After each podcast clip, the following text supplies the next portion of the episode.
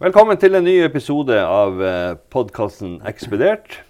I dag er det mer kjøretøyhistorie, og vi har eh, studio nede på Narvik kjøretøyhistoriske museum. Og vi sitter faktisk rett ved siden av tvillingen til Narviks aller første bil.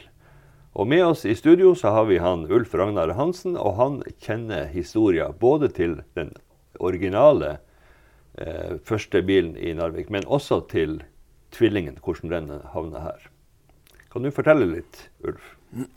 Ja, vi kan prøve å, å dra lytterne gjennom en, eh, en ganske eh, interessant historie. For den, eh, den berører jo mange folk i byen her. Den bilen som vi nå sitter ved siden av, det er en amerikansk bil. Helt eksakt maken til den som kom til Narvik som aller første bil. Det er en Overland 1914-modell. Kalles for modell 79. Uh, den er litt sånn forut for sin tid, egentlig. Fordi at uh, ja, den var jo levert med standard elektrisk lys og elektrisk starter og elektrisk horn. Og så hadde han stillbart sjåførglass. Du kunne justere frontruta etter, etter ønske. og den har kalesje, og den har speedometer, faktisk. Og så eh, har den tre gir. Det spesielle med han er jo at de, eh, girkassen sitter i bakstellet. Uh, det var jo en teknologi som ikke var så veldig vanlig. Wow, er en moderne bil. Ja, og motoren er jo på 35 hestekrefter. Og det var jo uh, Det burde holde. Ja. ja. Det som dagens befolkning vil reagere litt på, det er jo at han har rattet på høyresida. Ja, hvorfor, hvorfor var, hadde bilene ratt på høyresida på den tida der? Ja, det kan man jo lure på. fordi at Norge var jo veldig tidlig ute med, med høyrekjøring. Og da skulle jo i utgangspunktet ratta, biler ha vært bestilt med ratt på venstre side. Ja. Men det har sin bakgrunn, det også. Og litt i, gått i arv fra da man kjørte med hest og vogn. Fordi at Norge bestilte jo biler med høyreratt til langt inn på 30-tallet. Og det var fordi at eh, drosjesjåfører og bileiere med privatsjåfør de ville gjerne ha føreren på høyre side. Fordi at det skulle være eh, galant å, å, stige av og åpne bakdøra, sånn at de passasjerene som satt i baksetet, kunne få lov å stige av direkte på fortauet. Og eh, Derfor ville man ha sjåføren på, på, på, på høyre side. da. Og med det så sparte, man, så sparte man seg for en, en, ekstra dørgutt, som man ofte måtte ha på venstreratta biler. Eller en lakei, som det heter også i den tida. Det er jo et, eh, et utslag av de vanene man hadde fra hestevognene sin tida. Ja. ja visst. Da fikk vi forklaringa på, på, det. Ja, litt om, eh, om, selve bilen. da. Den er jo grønn og svart. Eh, tofarga. Og eh, den eh, knaller og går som ei klokke. Pen å se på. Ja da, den er virkelig et, eh, et smykke her han står. Kjempestort frontrute, men ikke noen andre rute. Nei. Åpen, eh, åpen, på siden. Det er kalesje på den som man kan ta opp. Så finnes det også mulighet Vi har sett på, på gamle bilder at det fantes sånne her, eh, sidevegger man kunne sette på i tøy. For okay. når bilen skulle brukes vinterstid. Ja, Så den ble kjørt også på vinteren? Klart. Det, man hadde akkurat like stort behov for, for, for, frakt på vinteren som på sommeren. Vi har faktisk, Det henger et bilde i svart-hvitt over uh, denne uh, bilen. Og der ser man faktisk en uh, W91 som er ute på tur på vinterføre i Narvik en eller annen plass. Ja, Med kjettinger på, på bakhjulene. Med kjetting på bakhjulet, ja. Bilen, det bildet der er tatt nede i området med Narvikgården. Okay. Gamle bolagsområdet. Mm. Men eh, det kan jo være interessant å, å, å, å se litt på hvem var det egentlig som tok skrittet over eh, til, eh, til å føre denne automobilen inn i Narviks gate. Ja, det må være noen med stort mot? Ja. Eh, det var nok det. Var nok det. Vi vet jo fra før av at det, det, var stort sett flere av de her. De hadde jo drevet på i mange år med hestetransport. Kjørekarer. Ja. Eller etter hvert vognmenn, som det da kom til å hete. vi hadde jo, De var jo godt organisert. Vi hadde jo allerede fra 1902 hadde man Narvik vognmannsforening. Mm. Så da hadde de befesta det navnet. Så vognmann var en, en, en, en tittel på, på, den tida. De toneangivende folkene som gikk i bresjen for å få denne bilen til Narvik, det var, det var jo I utgangspunktet var det jo De etablerte et selskap som heter Narvik Automobilselskap. Ja. Eh, det hadde i starten 18 aksjer, men det var bare fem av medlemmene som gikk inn uh, og, og, uh, og sprøyta inn kapital til innkjøp av den første bilen. Uh, og de betalte 500 kroner hver. Og det var en som het Leonard Bertinius Høyer Larsen. Okay. Bedre kjent i Narvik-samfunnet som Sandtorv-Larsen. Han kom kanskje bort fra Tjeldsundet? Han kom fra Sandtorv i Trondenes. Hmm. Ja, det stemmer det. han, han, hadde med seg han Anders Westerheim.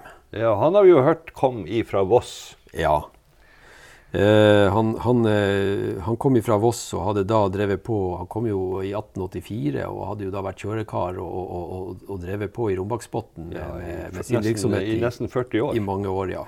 Så når det var slutt i Rombaksbotn, så flytta de jo inn til, til byen da og fortsatte med hestekjøring. Uh, og så har vi en som heter Arnt Ramstad og Anton Sæter og til slutt Ole Bårdsen. Hmm. Det som kan være litt morsomt å nevne her, det er jo det at noen av de her navnene, det er jo faktisk eh, En del av de etterkommerne går jo i dag rundt omkring, rundt omkring i byen her som kjente personligheter. Han, eh, Sandtov Larsen han var da oldefaren til han Lillebjørn, musiker og advokat her i byen. Ja. ja.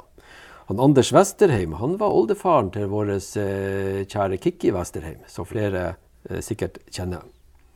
Og som om ikke det var nok, han Arnt Ramstad han var oldefaren til han Kjetil Moe. Du sletter ikke, Her ser man. ja. Eh, Anton Sæter har også eh, etterkommere i byen her. Eh, Ole Bårdsen har vi ikke klart å finne etterkommere her i, i, byen eh, etter. Uh, det her skjedde jo da uh, på nasjonaldagen 17. mai 1914. Da kom bilen uh, med, med, dampebåt til dampskipskaia. Ja, og da må vi også ta med at det faktisk er dagen for 100-årsmarkeringa for 1814. Ja. Og Norges uttreden av danskestyret. Ja, helt riktig. Det er nok litt tilfeldig at det ble akkurat denne dagen. men nå hadde, hadde jo vognmenn i mange år hatt en tradisjon at de kjørte i parade eh, foran 17. mai-toget med hestene sine. Okay. Og eh, det har vært nevnt at eh, denne første bilen faktisk fikk kjøre første 17. mai-toget i, i, i, 1914. Ja. Men um, det er også blitt uh, hevda at uh, så ikke var tilfellet. At de rei med hester eh, det året. Så det, det, det, skal vi prøve å finne litt mer ut av. Eh, men i hvert fall, eh, den bilen eh, ble kjørt fra dampskipskaia og opp i byen her, og eh, parkert eh, utenfor Grand hotell. og det fins jo et legendarisk bilde, sort-hvitt-bilde som er tatt utenfor Grand hotell klokka ni på morgenen ja. 17. mai 1914 av eierne. Og ikke minst så eh, fulgte det med bilen en habil sjåfør. Fordi at de her karene de var jo mest uh, vant til å tøyle hestene sine. Ja, og Ikke så motorkyndig. Mekanisk begava var de kanskje, men bil, automobil var nok et helt nytt tema. Ja. så eh, det morsomme er jo det at selv om det her var en stor begivenhet, så, så skrev ikke frem, avisa fremover om det i det hele tatt. Det var ikke nevnt. Når man ser på hva folk uh, uttalte om det her uh, seinere, så var det jo nærmest som ei månelanding i Narvik. Det var uh, kun Ofotens Tidende som, som, nevnte det. Og det var 19. mai at Ofotens Tidende da kunne koste på seg en aldri så bitte liten notis langt ned og langt bak i avisen. Og der sto det sitat. Den første automobil har Narvik nå fått, idet den av en del vognmenn innkjøpte, ankom hertil søndag og straks ble tatt i bruk. Hele søndagen og natten med ble autoen flittig benyttet av publikum.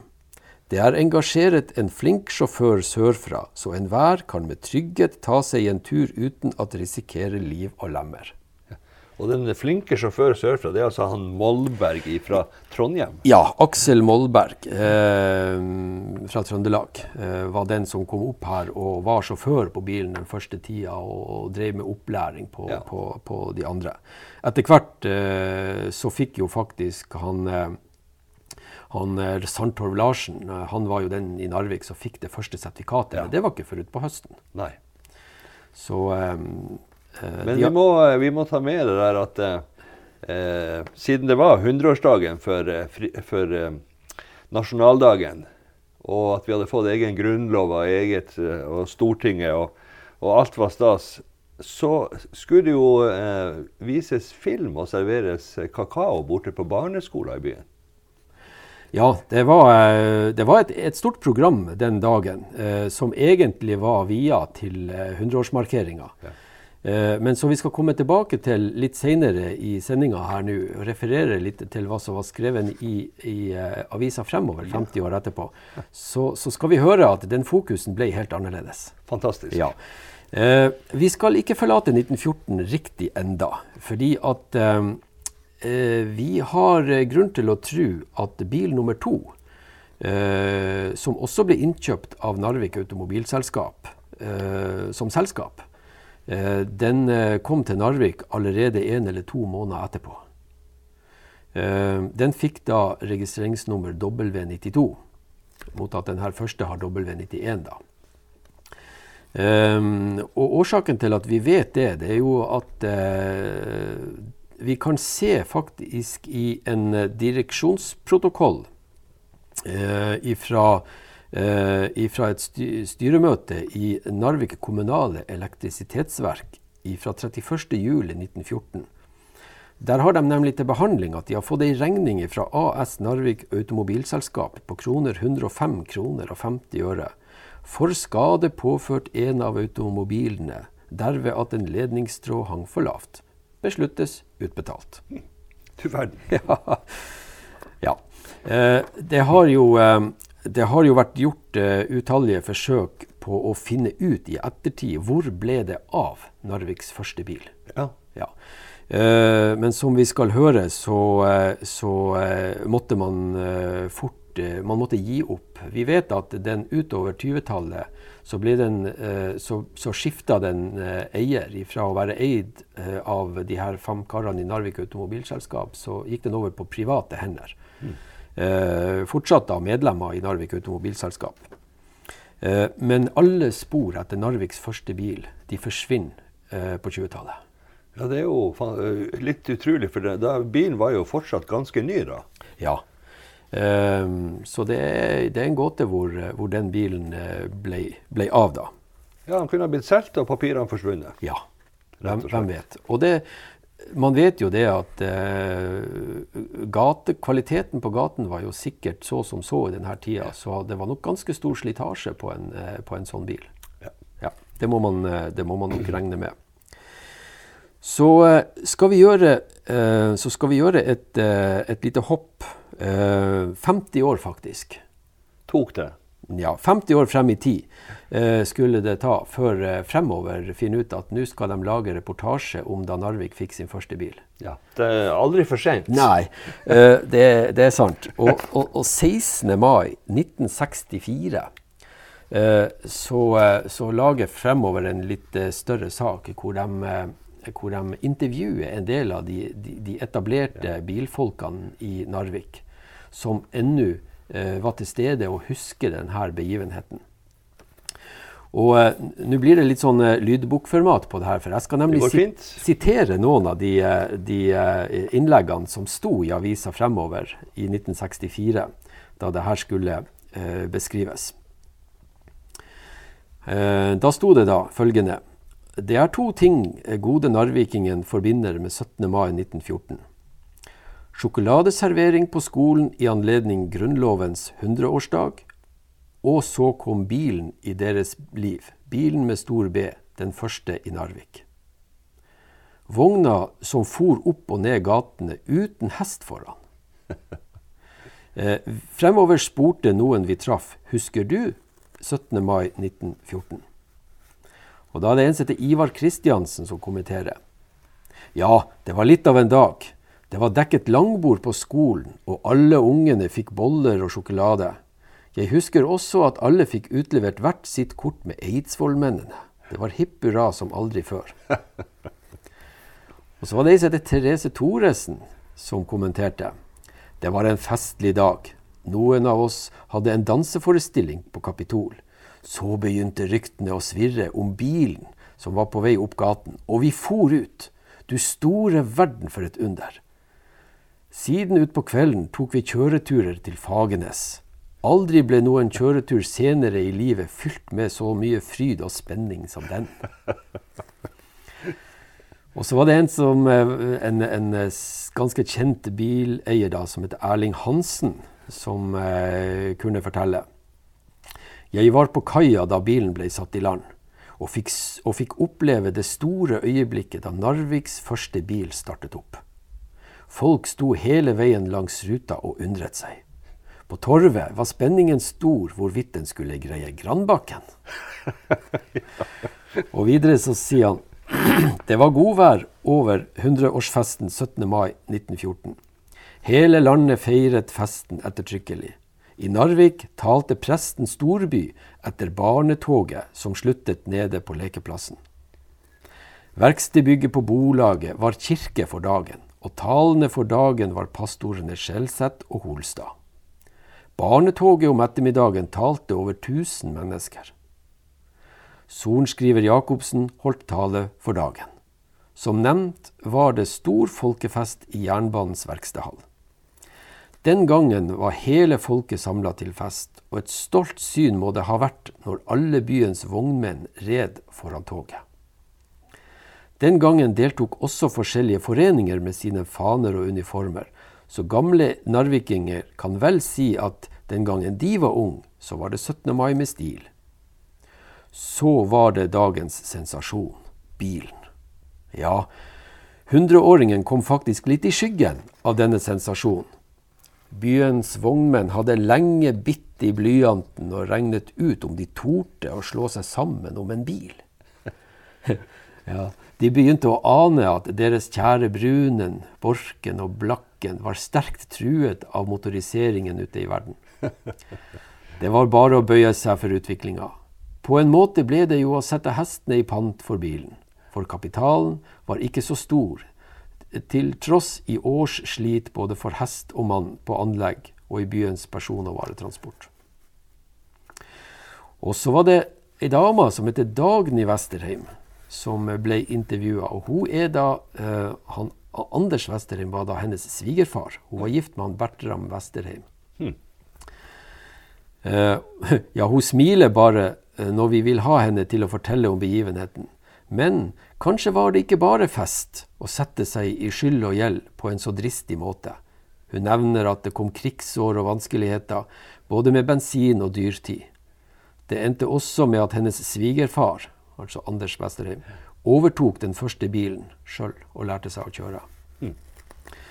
Så skriver hun videre her. Um, det var en Overland. Uh, Eh, ja, det var en overland, gir hun da etter for våre mange spørsmål. Ja, så er det alt 50 år siden, siden, sier hun. Det var jo ingen i Narvik som hadde sertifikat, og Aksel Molberg fulgte med bilen. Politimester Jacobsen og frue fikk den ære å kjøre første turen opp fra kaien. Mange syntes de var modige, etter kjøreturen ga han beskjed om at kjøretøyet skulle forholde seg i ro på et betryggende sted til folketoget hadde gått. Han begrunnet det med at når så mange folk var samlet i gaten, kunne mange bli liggende som lik før dagen gikk til ende. Heller ikke fikk bilen kjøre opp Baker Hansenbakken eller andre tverrgater. De var for bratte. Den måtte bare kjøre opp ved Grand og så følge gate 2, for så å kjøre ned lengre nede i byen, hvor det ikke var så bratt. Om kvelden eh, drev man med lystturkjøring, og køa var endeløs. Alle ville sikre seg å få oppleve dette under. Ingen trodde riktig på at denne form for kjøring kunne vare. Det kostet fem kroner turen. Masse penger den gangen. Ja visst. Og så får hun Dagny spørsmål her. Det var vel stas å være bileier og få kjøre søndagsturer? Så kommenterer hun til slutt. Det gikk lang tid før vi fikk kjøre. Og for så vidt, da vi giftes, giftet oss i august, Bertram og jeg, så kjørte vi nå til kirken med hesteskyss. Vi kom da frem med den òg, og hvem vet, kanskje var menneskene lykkeligere da de kjørte med diltende hestetrav eh, enn i dag, da alle skal forbi hverandre fortest mulig i vår hesblesende tidsalder. Kloke ord. Ja. Kloke ord. Den siste som uttalte seg til fremover i 1964 i saken, det var eh, en senere veldig kjente drosjeeier, Georg Sivertsen. Vi hadde knapt nok tid til å gå i barnetoget, og det var vi nødt til. Men talen på torget, den stakk vi fra. Det var den nye automobilen som sto oss i hodet. Endelig kom dette tekniske vidunderet nedover gate 1. Vi hørte dem på lang vei. Og der satt politimester Jacobsen i full mundering. Eh, I full mundering med flotte gullkantete lua på. Og vi gutta syntes han var så fin. Ja, selv kongen kunne ikke være finere. Først kjørte automobilen til Fagernes. Men det blir litt for langt for oss gutta å springe etter. Men så kom den tilbake. Opp gate 1, og så til Taraldsvik. Vi gutta sprang etter med lua med tunga langt ut av munnen. Men Taraldsvikbakken, den ble for tung for automobilen. Da den skulle opp bakken, nektet den plent å gå videre. I all hast ble det sendt bud etter to kraftige hester som ble spent foran automobilen. Og da kom den omsider opp Taraldsvikbroen. Ja, det var Narviks første bil. For ei fantastisk beskrivelse av den dagen. Så fremover, de gjorde godt det de ikke skrev i uh, eh, 1914 ja, på dagen. Det kan man trygt uh, det tok si. dem igjen. Ja, det blir jo litt lydbokformat på det der, men, men jeg syns det er en veldig fin uh, beskrivelse, beskrivelse, av, dagen, av hvordan folk tok imot den aller første bilen. Vi må kanskje forklare for våre unge lyttere det her med boller og sjokolade, fordi det var jo ikke sjokolade som ei sjokoladeplate. Det var jo rett og slett melk som var kokt opp, og så var det smelta sjokolade oppi som en veldig eksklusiv kakao. Mm. Ja. ja visst. Nå skal, skal, vi ytterligere frem i tid. Fordi at uh, det her er jo egentlig ei, ei, ei flott historie uh, å ta vare på for fremtida. Og en av de som tok initiativ til å forsøke å, å få denne uh, historien om da Narviks første bil kom til Narvik eh, opp i dagslys, eh, det var jo barnebarnet til han Sandtorv Larsen. Eh, en, en kjent næringslivsperson i Narvik som heter Viggo Varberg Larsen. Ja, han husker vi godt. Han husker vi godt. Han hadde mange jern i ilden. Ja, han hadde det. Og eh, rundt 1986-87 så drev han og eh, og forsøkte å, å, å finne ut eh, omkring de her tingene. Uh, Nå skal det jo sies at han, han, han starta allerede sitt initiativ i 1984. fordi at da var det jo 70 år siden Narvik fikk sin første bil. Og da kom han på at kanskje vi skal leie oss en Overland 1914 til Narvik. Og så får han eh, pynte opp i byen på, på, på, jubileumsdagen. Men også han skulle oppdage det at det var en veldig, veldig sjelden bil å få tak i. Mm. Han måtte raskt gi opp eh, godeste Viggo Harberg Larsen. Men for de som husker 17. mai-toget i Narvik i 1984, så kjørte der en hvit, åpen 1914-modell bil foran. Mm. Men det var en Hup-mobil. Det var eh, lederen for Norsk Teknisk Museum, legendariske Jan Tolfsby, ja. Som var leid eh, til Narvik med sin bil eh, for å kjøre første 17. mai-toget, som en markering av 70-årsjubileet for Narviks første bil. Og eh, den eh, den ble jo da sendt tilbake, og historia ble eh, på en måte lagt litt i skuffa.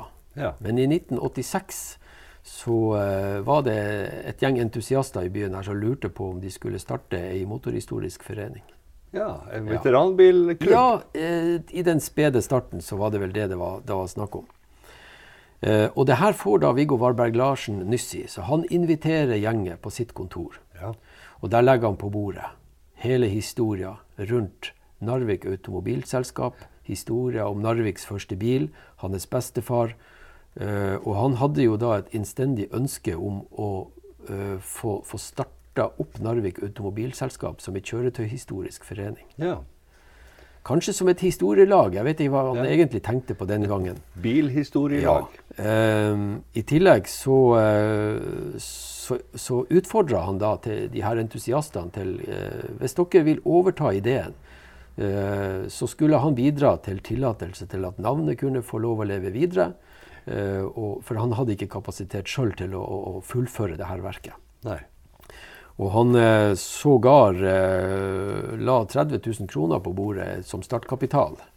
Eh, Nå viste det seg det etter hvert at eh, før de pengene ble utlevert, så, eh, så gikk dessverre Viggo Varberg Larsen bort. Ja. Sånn at den, den spede starten til Narvik Automobilselskap som veterankjøretøyklubb, den, den var, det var ganske magre år. Men resultatet av det her ble faktisk at 17. mai 1987 så restartes Narvik Automobilselskap da som ei kjøretøyhistorisk forening i byen. Og det, eh, det er jo den foreninga som, eh, som driver i dag og har base i Parkhallene, og som også er ansvarlig for det museet som vi, som vi sitter i da. Og bilen, som vi sitter igjen med. Og bilen, ja. Yes. Uh, Nå skal det jo sies at uh, Viggo Varberg Larsen hadde jo i sin tid gjort forsøk på å finne tak i en Overland 1914. Han eh, ville jo gjerne at Narvik skulle få tilbake en sånn bil. Eh, men som sagt så måtte han gi opp. Men det nystarta Narvik Automobilselskap tok jo den utfordringa. Eh, og, og prøvde å søke verden rundt etter en sånn bil. Ja. Og eh, det skulle vise seg at vi fant en, eh, jeg tror det var i New Zealand. Eh, den ble grisedyr å få til Narvik. Eh, det sto en i Belgia. Eh, ikke kjøpende den heller, prismessig. Så Um, vi måtte egentlig bare legge den der tanken på, på is. Men det har vært en drøm i alle, alle år. Og man har uh, søkt på nettet og sett hva som fantes og osv. Det er jo, det er jo ikke så enkelt, fordi at uh, Overland modell 79, som kom ut i 1914 eh, Overland kom i 1914 ut med seks forskjellige utgaver. ja. Og det var med og uten kalesj, det var eh, fast eh, hytte, og det var ulike eh, varianter. Eh, og så skulle det jo i tillegg være en høyreratta bil. ja. Ja. Så det var eh, veldig vanskelig, skulle det vise seg. Um, vi fikk nyss i her på, på, eh, på midten av eh, eh, Ja, like etter 2000-tallet så eh, fikk vi nyss i at det faktisk sto en sånn bil til restaurering i Halden. Jaha. Ja. Et gjeng eh, pensjonister som drev og restaurerte på en sånn bil. Og den bilen har jeg vært og besøkt flere ganger og sett eh, fremdriften av. Så når vi kom frem til 1914 eh, 2014. 2014 unnskyld, i Narvik, Ja. så er det jo da 100-årsjubileum for Narviks første bil. Ja. Og det fant vi ut vi måtte markere på et eller annet slags vis. Ja. Så vi fikk da en avtale med de pensjonistene nede i Halden eh, om at vi skulle få låne til Narvik deres versjon. Deres flotte eksemplar, som da var nylakkert og trukket opp setene og, og alt. Eh, så vi, eh, vi fikk låne den bilen til Narvik, og den sto da og trona utafor eh, Haikjeften under begivenhetene der. Og, Ja. og, og den sto parkert eh, sentralt på Torvet under ei større utstilling. Og det var jo reportasje i NRK om den bilen. Men vi fikk ikke lov å starte opp motoren, fordi at motoren var ikke helt ferdig restaurert. Nei. Men bilen som sådan var veldig lik. Utseendemessig var eh, var han helt lik. Han var det. Ehm, men vi sendte jo den bilen eh, dessverre tilbake til Halden. Det var eh, helt utenkelig å, eh, å forhandle noe kjøp av den bilen. Det, de hadde brukt mange hundre tusen kroner på restaurering. Så de ville gjerne ha den sjøl. Ja, det er klart. Det er klart. Um, men vi hadde jo fortsatt søkelysene på her i Narvik. Ja. Uh, de pærene der har aldri falma. Uh, så skulle det da vise seg i 2016 at det dukker opp en mulighet. Hvem var det som hadde oppdaga at det fantes en bil en eller annen plass? Ja, Det var et av medlemmene våre, han, uh, Olaf Paul Larsen, som tok kontakt og sa at Ulf, nå står det en sånn bil borte i Ohio. Ja. på samme plassen som bilen er bygd eh, til salgs. Og eh, nå må vi eh, forsøke å, å, stokke kortene riktig her. og eh, det er mye som kan sies om den prosessen. Fordi at Da vi tok uh, kontakt med selgeren, så var han ikke spesielt interessert i å selge bilen ut av USA, og uh, langt mindre til, til uh, så langt unna som, som, Norge. Han hadde dårlig erfaring med salg av andre biler ut av landet. Så han ville gjerne selge bil, men ikke til utlandet? Ja. Det enkleste for han det var, det var rett og slett at eh, bilen ble solgt eh, ja, aller helst til naboen. Ja. ja. Uh, men vi, uh, pga. hans dårlige erfaring med å selge bil til utlandet, det var faktisk en sportsbil som ble solgt til England, så det endte opp med at uh, tollvesenet kondemnerte. Skrekk og gru. Ja. For en bilentusiasme, og det har vært et mareritt. Ja. Eh, så han, når vi først fikk han litt på glid, så ja. sier han det at dere må uansett komme over og se på bilen. Jeg sender han ikke til Norge uten at dere har vært her og, og kontrollert at han er skadefri og, og hvilken stand han er i. Ja. Så da var det bare å finne ut hva gjør vi nå. For kjøpesummen var faktisk ikke så gæren. Den var, den var helt eh, innafor. Eh, så eh, det endte da opp med at undertegnede fikk eh, muligheten til å stokke litt om i arbeidssituasjonen og, og, og tok halvannen uke fri og reiste over til, til USA. Og sammen med Gaute Eidisen i Amcar-klubben i Narvik, som da har hytte der borte, ja. så kjørte vi to Han var på hytta i USA da. Så kjørte vi to til Milan i Ohio og så på bilen. Fantastisk. Ja, det var utrolig. Og da er det den bilen som vi sitter attmed her nå? Det er den bilen vi nå sitter en uh, liten meter ifra. Som fikk sitt første besøk fra Narvik? Ja. Uh, og da først kunne vi presentere for selgeren hvorfor vi var så interessert i å kjøpe den bilen. Ja. Da fikk han hele historia om Narviks første bil, hvor lenge vi har uh, leita etter kjærligheten, ja. uh, og at vi nå fant han uh, At det ble litt sånn avstandsforelskelse i starten her, det, det, hadde han jo forståelse for da. Men han smelta jo da totalt for vår historie. Han skjønte da at her står det en hel by og venter på hans bil? Helt riktig. Helt riktig. Så vi, eh, vi, eh, gikk da over bilen, og vi prøvekjørte den. og vi, vi, eh, Det var litt hektisk et lite øyeblikk der, for vi hadde faktisk problemer med å finne rammenummeret. Og det er jo viktig. Så det ble litt svettlukt i garasjen der før ja. vi endelig fant det. da. Men, men, det gikk seg til, og formalitetene kom på plass. Og vi inngikk avtale om, om kjøp av bilen, og vi inngikk avtale med fraktselskap. da. Og det her er jo eh, seint på året i eh, 2016. Så bilen fikk vi da til Narvik, og eh, vi gikk gjennom bilen her i klubblokalet vårt. Og så eh, eh, gikk vi i gang med den eh, noenlunde vanskelige prosessen med å forsøke å få registrert den bilen på samme registreringsnummer som Narviks første bil hadde, nemlig W91. Ja.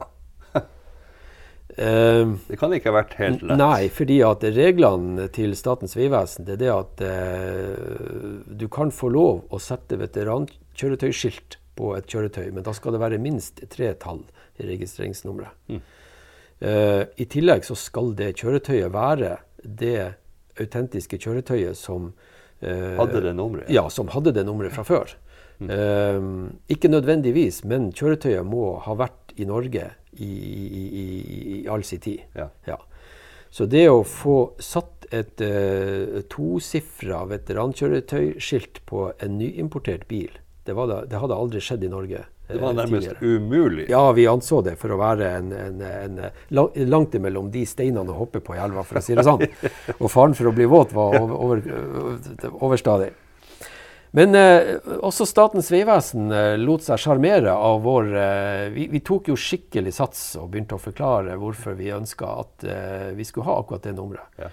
Og det lot faktisk eh, Statens vegvesen seg overtale og til at det, gikk helt fint. Dere må ha truffet en bilhistorisk nerve i, hos myndighetene? Ja, og så får det vel være måte på hvor, eh, hvor Firkantig? Ja, hvor firkantig man skal være. men samtidig så er de jo redd for at det skal danne presedens. Ja. Ja, ja. Men i hvert fall, her står han med registreringsnummer W91. Fantastisk. Ja. Og uh, det artige med bilen det er at uh, han har jo bare vært på private hender. Uh, vi kjøpte den av familien borti Ohio, som hadde kjøpt den av den familien som kjøpte den nye i 1914. Altså Han har vært i to familier for oss. Og nå er han i den tredje? Nå er han i den tredje storfamilien. storfamilien ja. ja. Det, det, veldig unike med bilen er at han er ikke restaurert. Han, han er, er, sånn som han har vært? Han er kun opplakkert. Og så har det vært skifta noen pakninger her og der pga. oljelekkasjene. Aldri vært skruva fra hverandre. Og kjørt omtrent hvor langt? Han er gått 13 000 miles. Ja, Det er jo ingenting. Ja, det det, Vi kunne ikke ha funnet et uh, flottere og bedre uh, eksemplar. Som har rulla ut av samme porten fra samme samlebåndet på samme plass som Narviks første bil. Og kanskje også på samme tid. Ja. ja Kanskje vi har stått i lag der på parkeringsplassen. På, på, på, ja, det skal man ikke se bort ifra. Det...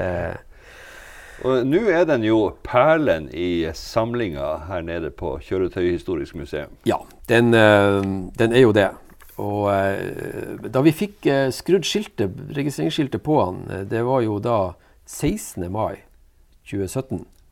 Dagen før den skulle ut og kjøre. Og feire 17. mai i Narvik på nytt igjen. Fantastisk. Ja. Eh, så det vi gjorde da på morgenen 17. mai 2017, det var å starte opp i bilen. Kjøre han på sin første tur oppover gate 1.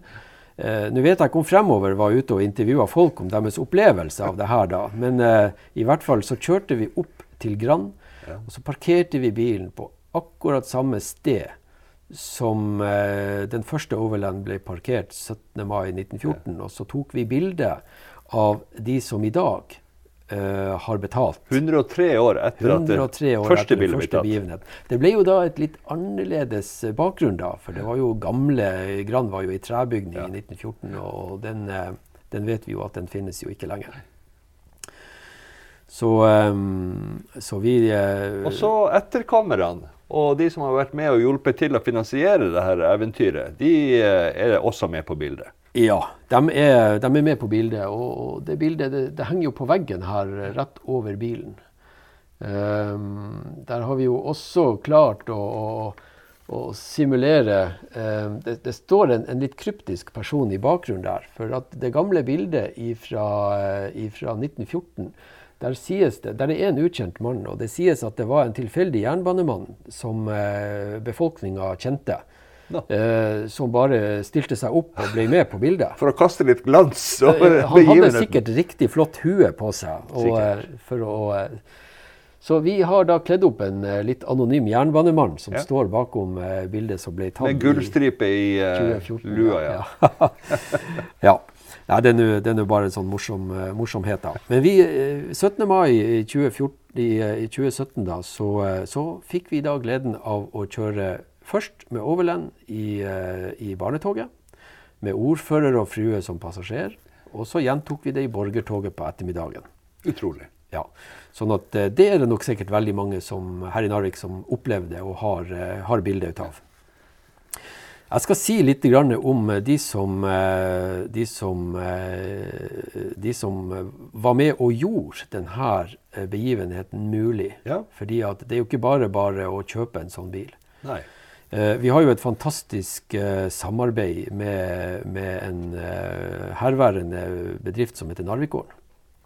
Og vi måtte jo stable 300 000 kroner på beina for å få kjøpt denne bilen. Ja. Og få den frakta til, til Narvik. Um, og da fant vi ut at nå gjør vi det på samme måten som de gjorde det i 1914. Vi deler kjøpesummen opp i fem. Ja.